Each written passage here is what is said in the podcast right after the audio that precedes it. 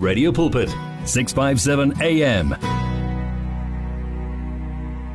Uyazi uma umsebenzi omuhle eh wenziwa kumele unconywe impela. Ubongani the author uthi yo ayashisa be. Uthi iyashisa be lensizwa siyabonga for bringing through people who give us profound teachings. Uthi siyakhula eh siyakhuliswa. Uthi maye siyabonga eh ngo pastor Sipho Prince Nhlapo obesithulela ke imotivation ngaphambi kokuthi singene kulesi sigaba sesibili 19 after 3 o'clock.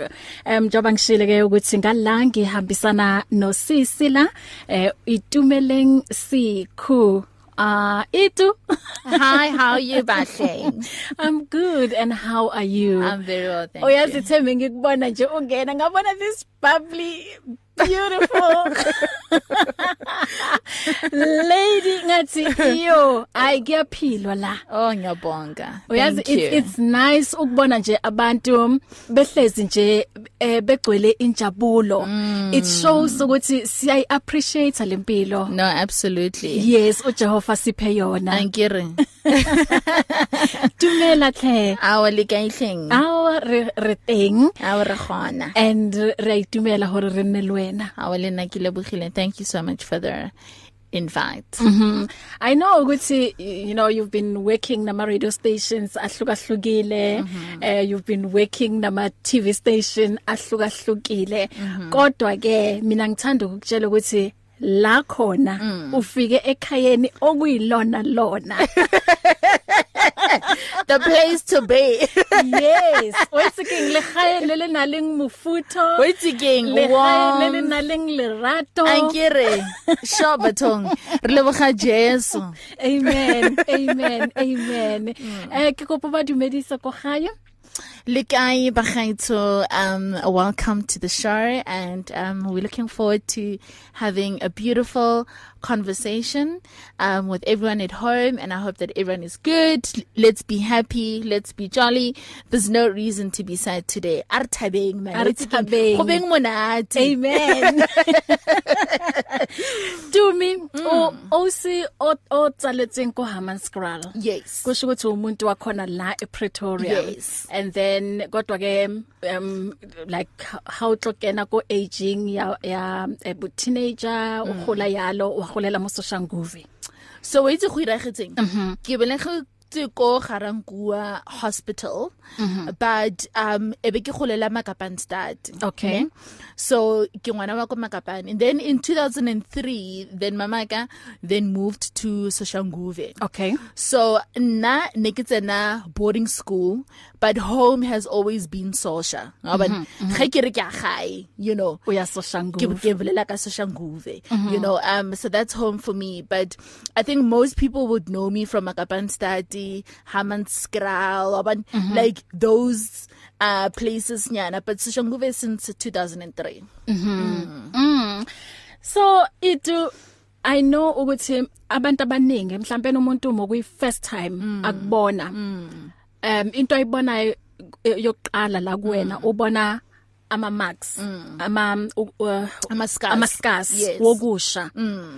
So u- uma nje ungasibekela udaba lwakho ukuthi kuze kanjani ukuthi ugcine unala nama nama scars lawa So- and impendulo yakho ithini nje umuntu meza? Because i i believe ukuthi abantu banokubheka maybe umuntu azibuze ayi1 ukuthi mara khwetsa khetsini yeah.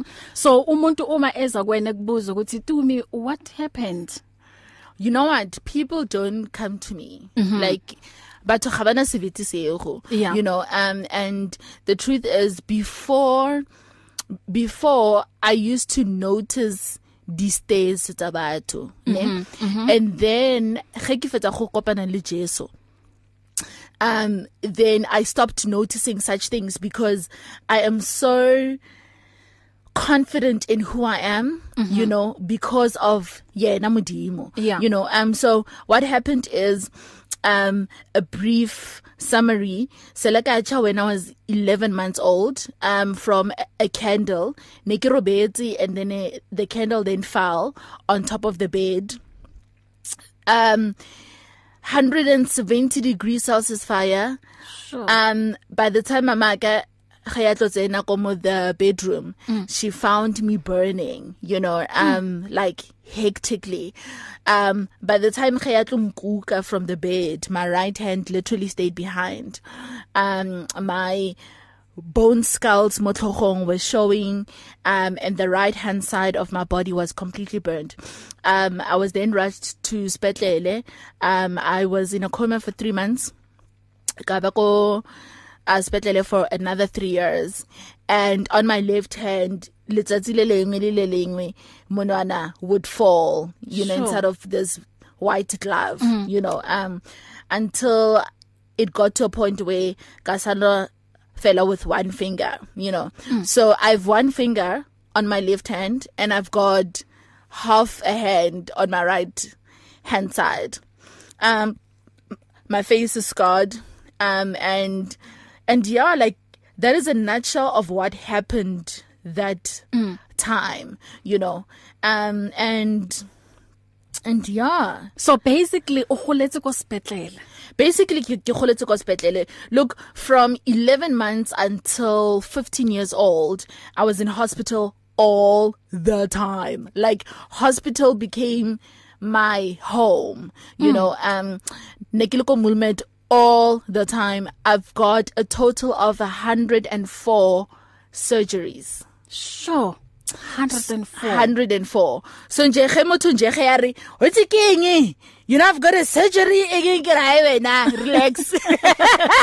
E wa ni fela isuka because wena ubona 104 104 my darling. 104 that is a lot. Like when i got to a 100 operations the hospital had a party for me they sure. were like azanke ra bona mihlolo miso you know um but the hospital was so friendly to me like kana go ela you know um do like medicals mm. you know what i'm saying mm. like ne di so tsene biao biao you know mm. Mm. and the hospital would sort of like meet with my mom um most cases narsapateli the surgical guy uh professor Skolds he is like a father to me mm. like that guy made me gena ke na le 11 months vele you know and he made me look the way that I am looking today Wow.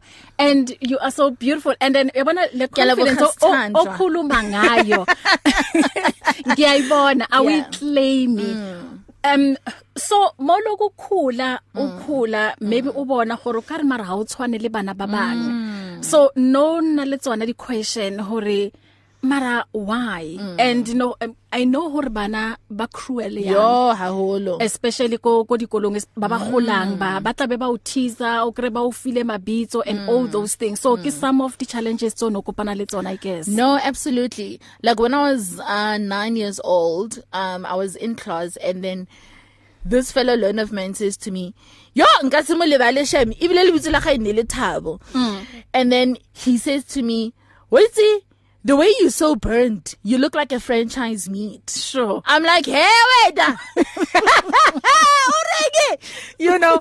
But that yeah. started to trend so much so that that i lost my self esteem mhm i lost my sense of being mm. you know um and i lost me you mm. know um to a point where seleka zama khotlo commit suicide 3 times sure. you know um my first suicide attempt I was in grade 5 my second suicide attempt I was 15 years old. And my very last one um I was in grade 11 ka tsia dipilisi tse 300 mm. ka dinwa.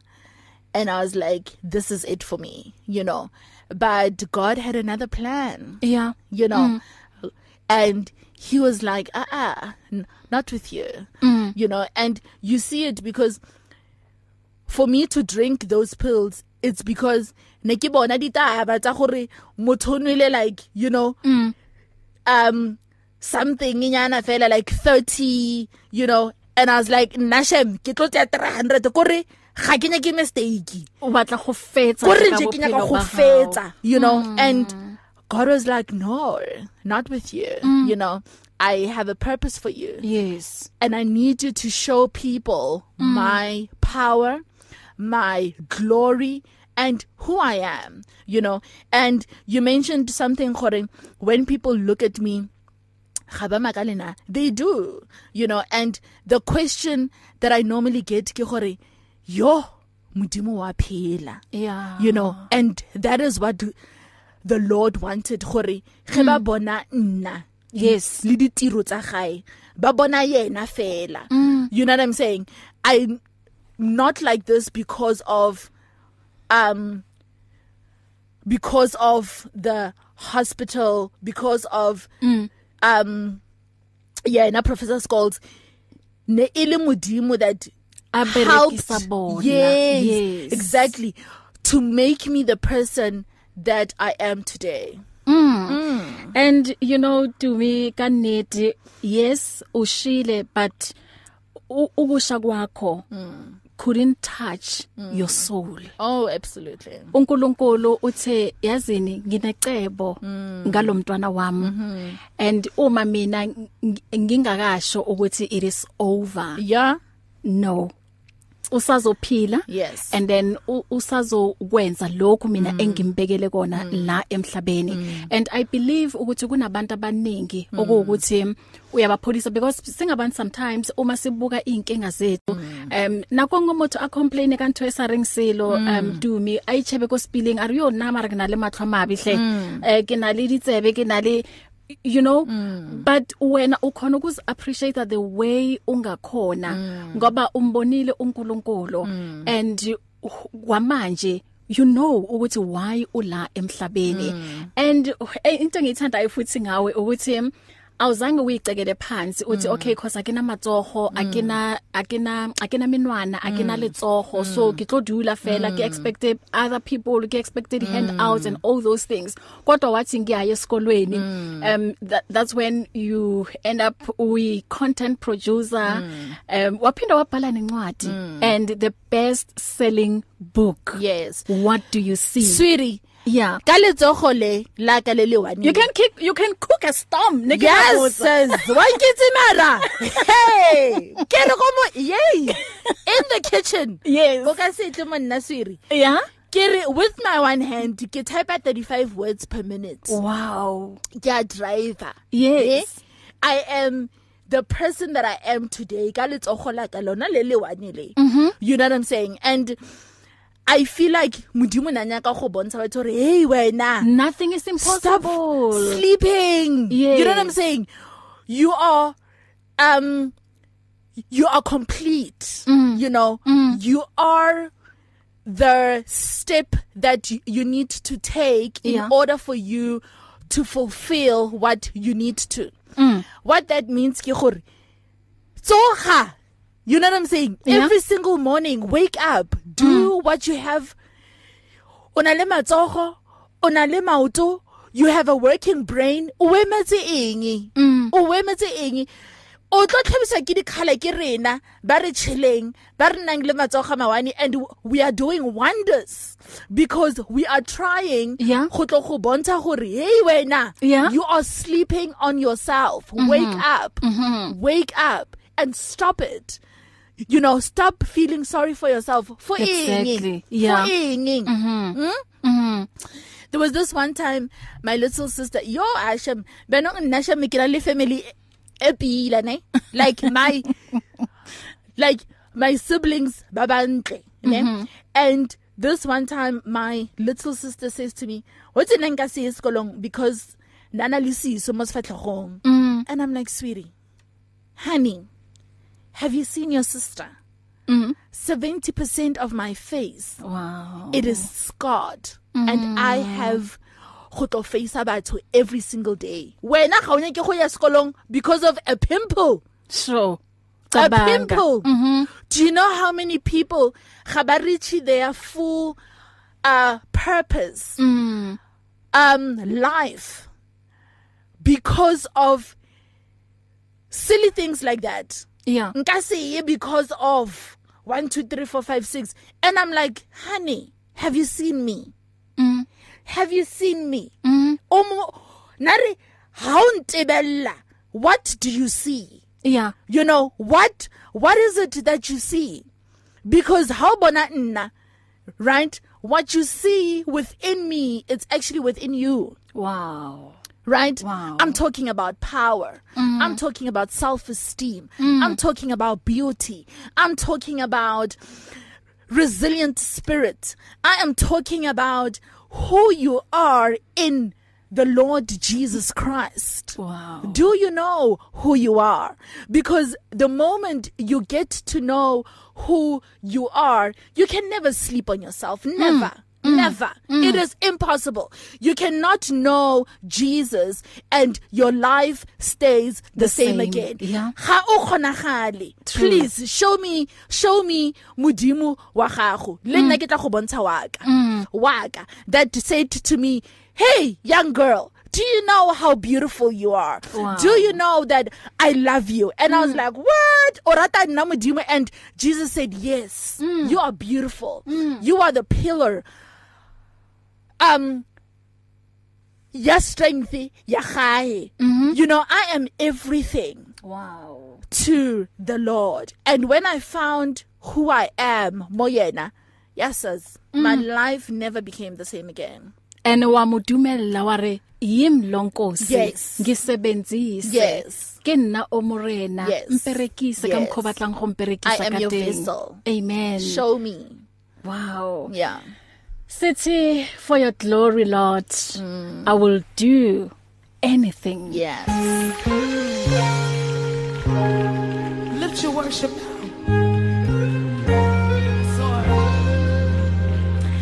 itu uthi u- you love this song? Oh i love it. Why we thanda le ngoma because it says for your glory lord. You know dilo kaofela that we do. People tend to praise us you Yeah. know oh mm-hmm. you are wonderful you're amazing you are doing amazing things and the thing is we are doing what we are doing mm. for his glory yeah you know there's a quote that says you know my glory but you don't know my story oh You know what I mean? Mm. You don't know my story. Mm. You don't know where mo ke tswang mo teng. Amen. Ga o itse. Yeah. You know, I am where mo ke leng mo teng because of him. yeah So everything that we do, everything that we are, you know, it is for his glory. amen amen Look at God amen and praise him. mm. You know what I mean? Yeah. It is all for His glory. Everything is for His glory. The material things that come with your purpose, it is all for His glory. amen You know, like, Oscar Tebella then say, "You, I'm so great." No, you're not. yes you know what I mean? You are, but you are great because, because of, Him. God. You know what I Amen. mean? You yeah. are great because of him. Like never forget your source. amen Yeah. One vision, one voice, one message. Radio Pulpit 657 AM and 729 Cape Pulpit, impacting lives from Gauteng to the Cape. It's difficult to face the overwhelming pressures of life alone. Sometimes we just need someone to talk to, someone to listen to us. And what better way to do that than through a quick and easy WhatsApp text? Whether you're having a hard time coping with school, family issues, being bullied, depression, or anxiety, speak to someone who cares today. Send a WhatsApp message to 064 530 6805 or 074 995 9085. Our I Am Youth Counseling team, Charles DeToy and Danny Vambili, are ready to connect with you today. Did you know you can order your favorite Radio Pulpit programs on CD so that you can listen to them whenever you like? Contact our friendly client services department now to place your order. You will find them on 012 334 1200 657 AM, your daily companion. Give your faith wings. Explore life with 657 AM. 657 AM. 1439 mm rena le aus itumeleng sikhu ubhale incwadi and not nje incwadi best selling book. Ibizwa ke um, what do you see? And um we survivor yokusha emlilweni. Uyazi uNkulunkulu wathi ngiyamsave lo mntwana. Um ana 11 months. Wangena emlilweni kodwa uNkulunkulu wathi mina ngizomkhipha ukuze abantu bazobona ukukhulu bami through yena Yeah. and uyasho ithi ukuthi um, your purpose is to enable others to recognize their own beauty and use it to become their best selves Yeah. wow that is powerful But also my purpose is also bring hope and healing. Mm. Let me tell you why. Because you know the truth is that we all have a story to tell. yeah Kaufela. Yeah. You know, and most people's stories they have broken people mm. to a point where they can't even reach their full potential. Mm. You know, because remember that we all have scars. Mm. Kaufela. Yeah. Because of those stories. Yeah. Right? And my scars, they are external. Mhm. Gaumpona, wadibona. Yes. Right? And therefore I was forced go tlo deala ka tsona. Mm. Now there are people that have got scars within them mm. and ba di fitla Yeah. with so many things you know some people they feel complete ba di test di makeup oh, you know and they look in a certain manner um some people they are just angry people yeah do you know what I mean? Mm-hmm. Like so many people hide their scars with so many things. Mm. You know, mm. you meet a person motho o beile makeup mo dimo ga sefatlhego. We beile. Yeah. You know, and the question then becomes what are you hiding? Mm. You know, what are you running away from? Mm. You know, and so many people refuse to deal with those scars. You know why? Because di botlhoko. You know, I went through a physical scar where after surgery, batla mpeya di bandage, eh, but when they had to clean it, sweetie. Mm. Hey, botlhoko bole. Mm. Heba intsha fela nje bandage ele. Ke thoma go screama before ibile le ge ba ntshwara. Gena ke bona fela nje the doctor walking in. Ne ke screama tsela tsa gore I know the pain, The pain. that is going go tlotla with this guy being here. Mm. Right? So now go tlo cleaner those scars. Go botlhoko. You know, so people don't want to go through that. They don't want to go through that pain of cleaning the scars, of allowing God to heal you. Mm. You know, and because people refuse go boela morago to deal with what they have um go deala, they then can't reach their full potential their full purpose their full life. Mm. you find a person who for example statistics say that batho ba matsogo mabedi right? Ka menwana emi 10 you are supposed to be able to type 70 words per minute if you are reaching your full potential. Let me tell you another statistic that is going to shock you. This is a statistic yeah 20 2019. Mm. Out of 56 million people that reside here, only 12 million people bana le driving license. Mm. That's a huge fraction mm. of people that can actually drive. Why? Because people are limiting themselves.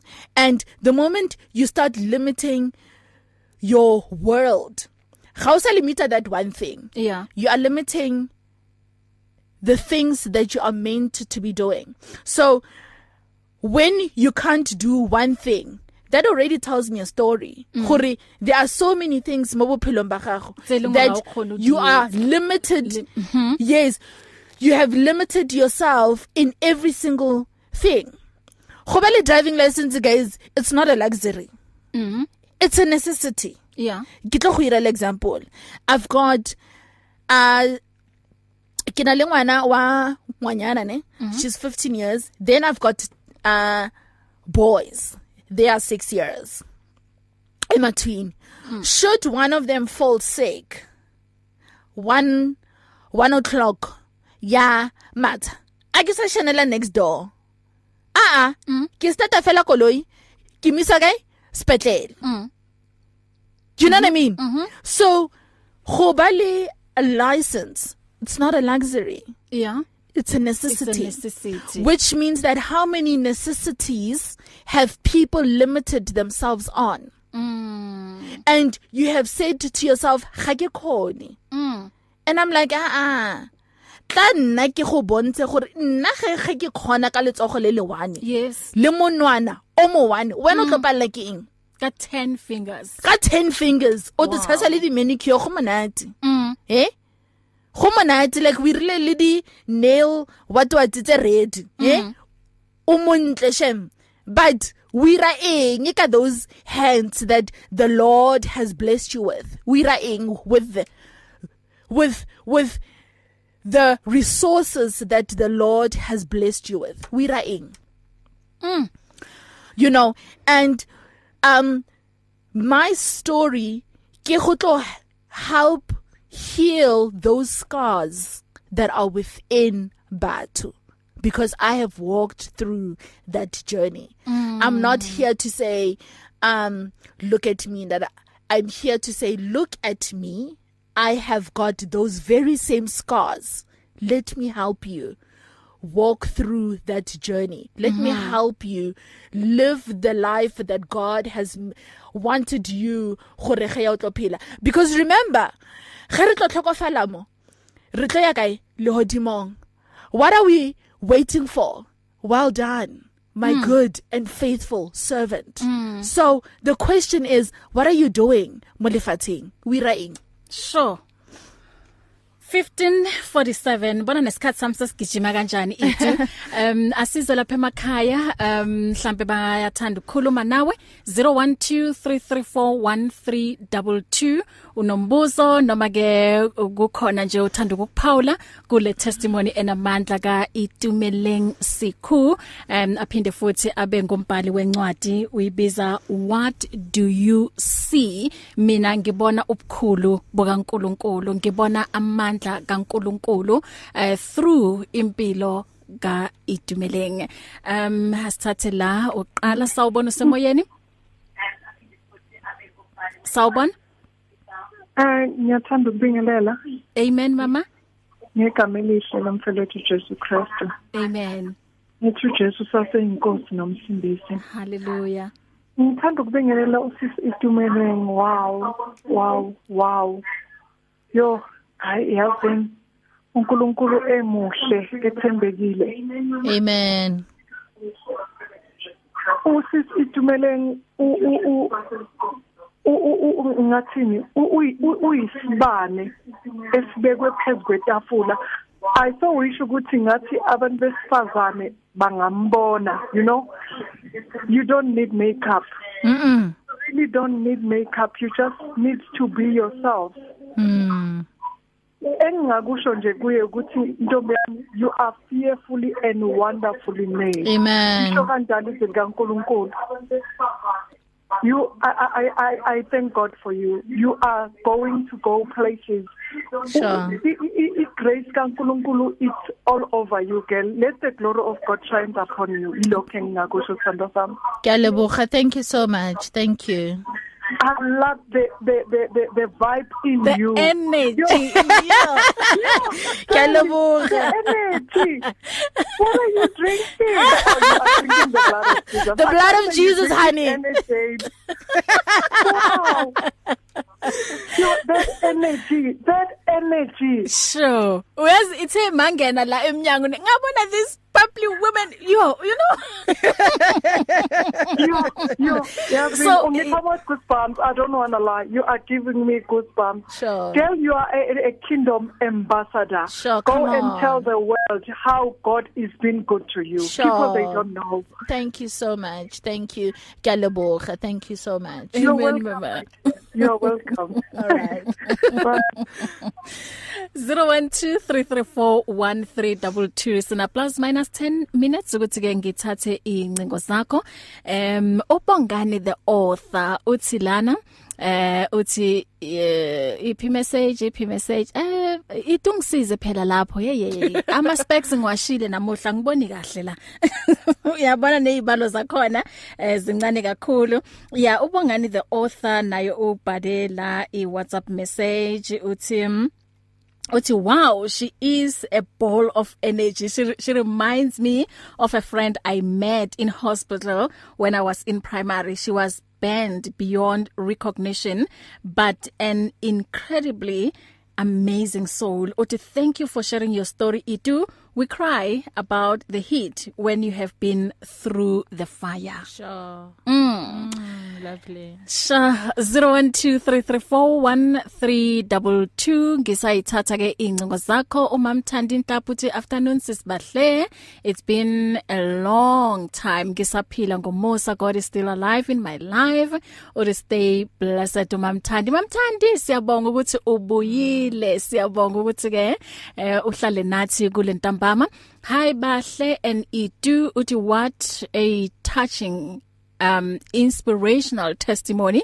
It is painful yet encouraging and reviving my faith. Indeed to him who uh, by in consequence of is able to carry out his purpose and do uh super abundantly far over and above all that we dare uh, or ask or think and then wasinikeza la iscripture Ephesians 3 eh verse 20 um uh, uMr Khadebe.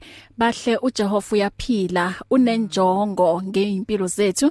Uthi big up my girl. I salute her mother who was there for her mm. umamsibi yes. and uh, omunye la uthi shalom bahle and your guest. I was having um a a, a pity party because i was dumped by my boyfriend.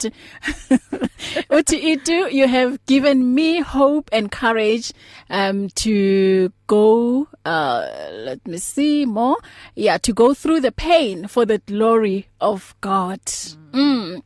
Wow. Okay asiyela emalayinini oh uhambile. 0123341322 Ah itu iyayibonakalisa ipurpose uNkulunkulu um akubekele yona umzwile umama uthi bona tsamaya itu bona fly fly girl Ngiyalibonga. and ubabonise ukuthi uyazi uJehova ukhona mm. and uJehova uyaphila Yeah. Mm. Amen. so mesifunda lencwadi yakho yini okunye okuwukuthi umuntu anga anga- angakuthola kuyona So the book ke a plain memoir. Mhm. Mm-hmm. Um and what that means ke gore I just wrote my story. Yeah. You know, so ga gona like motivational things, Mhm. you know, inside of the book because nakinya ka gore when people read the book, they must sort of like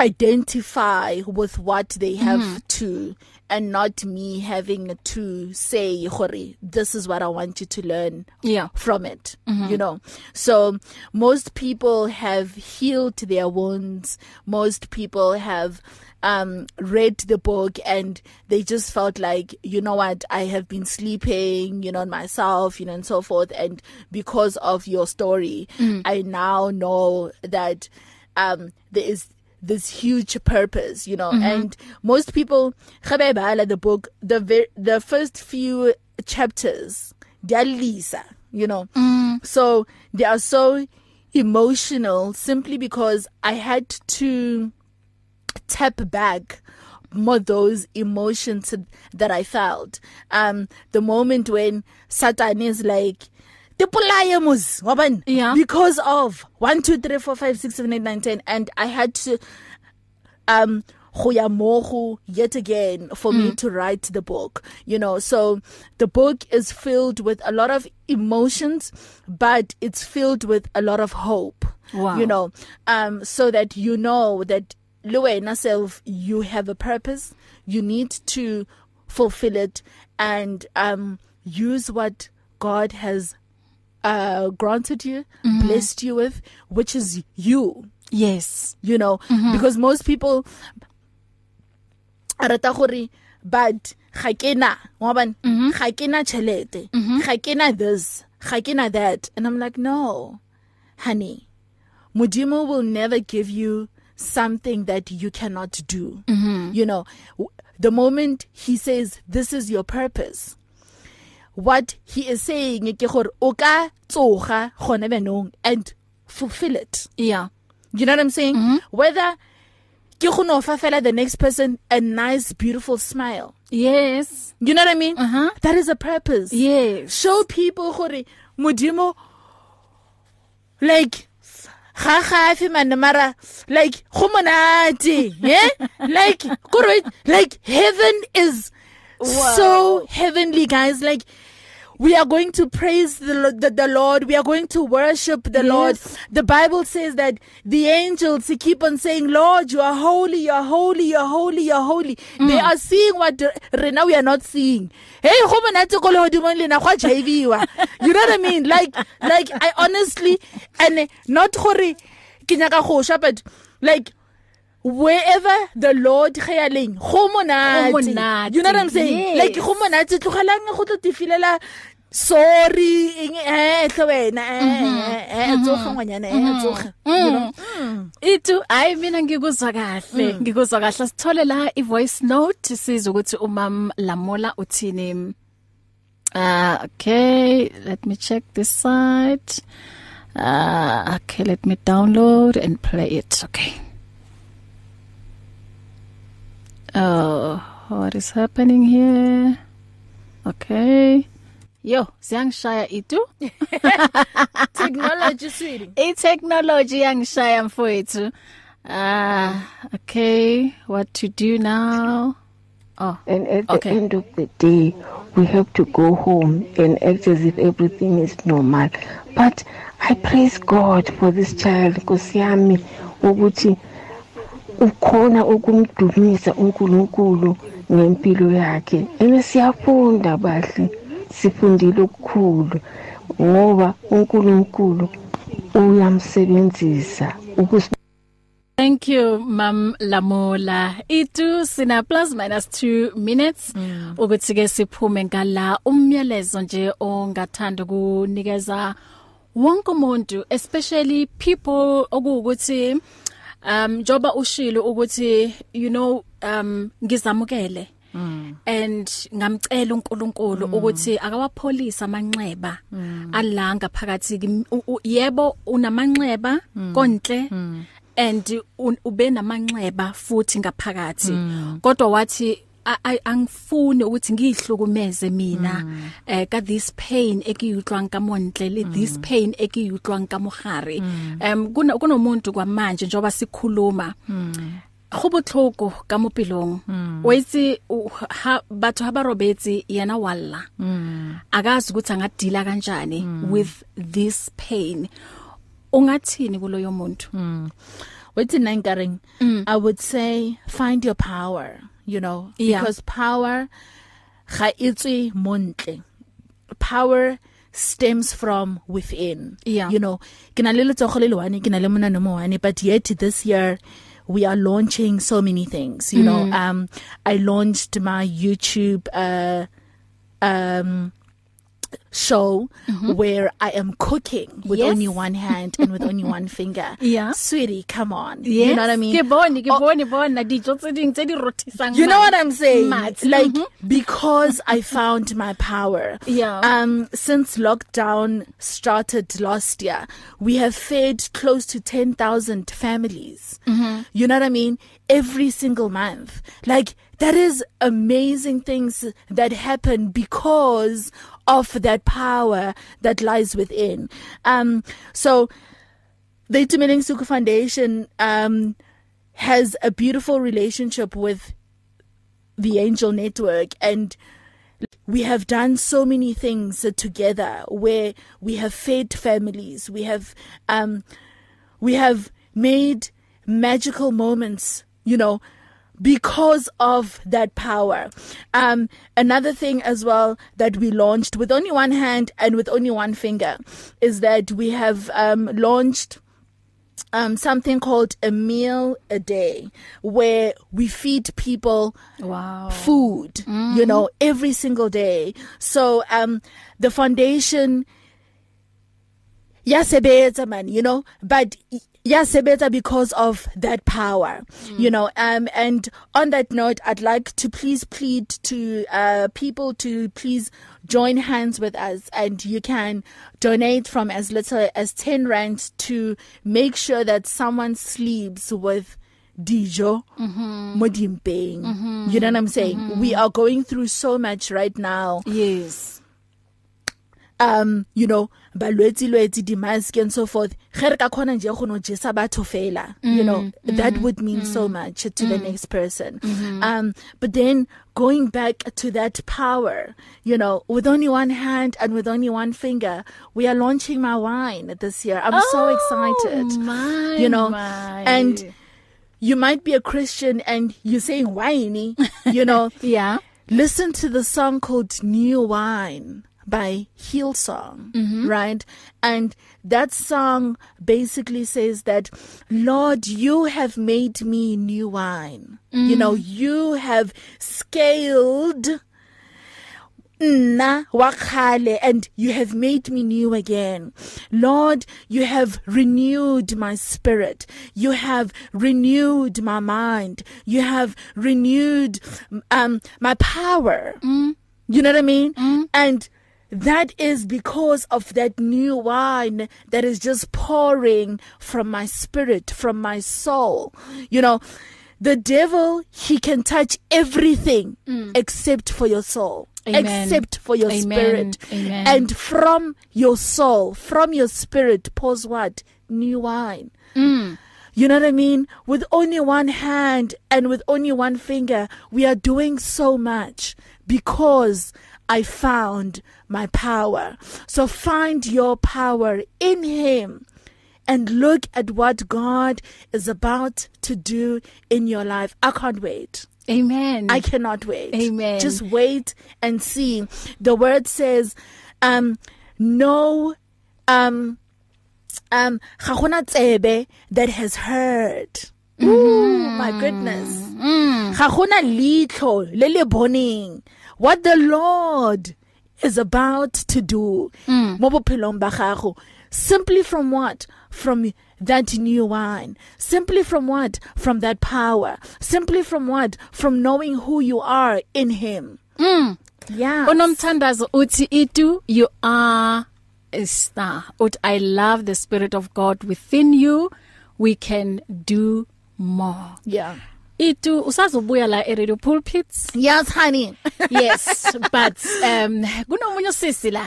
Uthi bahle how fetsa ka yena? Ke Mm. Mo batla le nna man ko pro- ko programming ya ka man Kare don't worry man kreile yes honey. Call me call me honey. And then e re ko ko eh, ko khoneng ne? Mm, on the 22 uh, May gona le this campaign um e entse ke ke mm, the founder ke eh, Nkululeko Mm. uh Khanyi um ke ungazibulali okay yes Mm. campaign Mm. so on the 22 um tlabe gona le an event Mm. go baseline in Mm. Joburg okay so o batla go itse gore it on the 22 of May tlabe a le ko kae because are o go batla mo Yeah. With a good price, honey, I, I can schedule things around. Uska wara ke tla go romela quotation. o re ke mo batla motho o ngiyamfuna lo muntu ngomhla ka 22 yes, honey. okay kodwa ke kunalaba kuthola khona ngithi u Yes. bakuthola kuphi? So they can get me um they can find me on my website uh dumelengsiku.co.za but I'm also on social media Facebook again dumelengsiku uh Twitter and Instagram. I'm at ITU underscore S-E-K-H-U. Also, please subscribe to my YouTube channel. Mm-hmm. Can Siku there. You will find me cooking and having fun and just join the family. Yes. Mm. so active kuphi if umuntu uthi ke kuyamobatla no no no no u active uphendula kuphi You know what? I'm more active on Facebook, Okay. okay. Mm. and then on my email, which they'll find on my website, um, and then also on Instagram and Twitter. Mm-hmm. Yeah. Okay. Itu thank you so much uNkulunkulu akubusise and qhubeka nje uyazi u- ubonisa abantu ubuhle bakho lobo uNkulunkulu akubusise ngakho and ubabonise nokuthi you know what ka one finger Yes. uh, one arm Yeah. bona ke khona wetsa nthwengo lengwe Yeah. e mothaka ebile wena wetsa le go feta O emetse eng O o na emetse le menwana eng? e me10 o emetse eng you know Amen. Asithi hallelujah. Re re siyadumisa ngempela Yes. kuJehova. Amen. Kanye nontokozo mbambo. Singena ke esigabeni sokugcina njengoba ke u4 o'clock sekashayile 6 after 4 ngiyabuya eh nomfundisi uTony Mhlongo sizokhuluma um ngeguilt namuhla ukuthi what is guilt ungasuki ke qhubeka nam until 5 o'clock itu i love you girl I love you too my love It's difficult to face the overwhelming pressures of life alone. Sometimes we just need someone to talk to, someone to listen to us. And what better way to do that than through a quick and easy WhatsApp text? Whether you're having a hard time coping with school, family issues, being bullied, depression, or anxiety, speak to someone who cares today. Send a WhatsApp message to 064 530 6805 or 074 995 9085. Our I Am Youth Counseling team, Charles Dudoy and Danny Vambili, are ready to connect with you today. If you need prayer, please send your request to prayer at radiopulpit.co.za or WhatsApp 067 429 7564 or go to Radio Pulpit website on www.radiopulpit.co.za. Did you know you can order your favorite Radio Pulpit programs on CD so that you can listen to them whenever you like? Contact our friendly client services department now to place your order. You will find them on 012 334 1200 657 AM, your daily companion. You and 657 AM and life, a winning team on the road to eternity.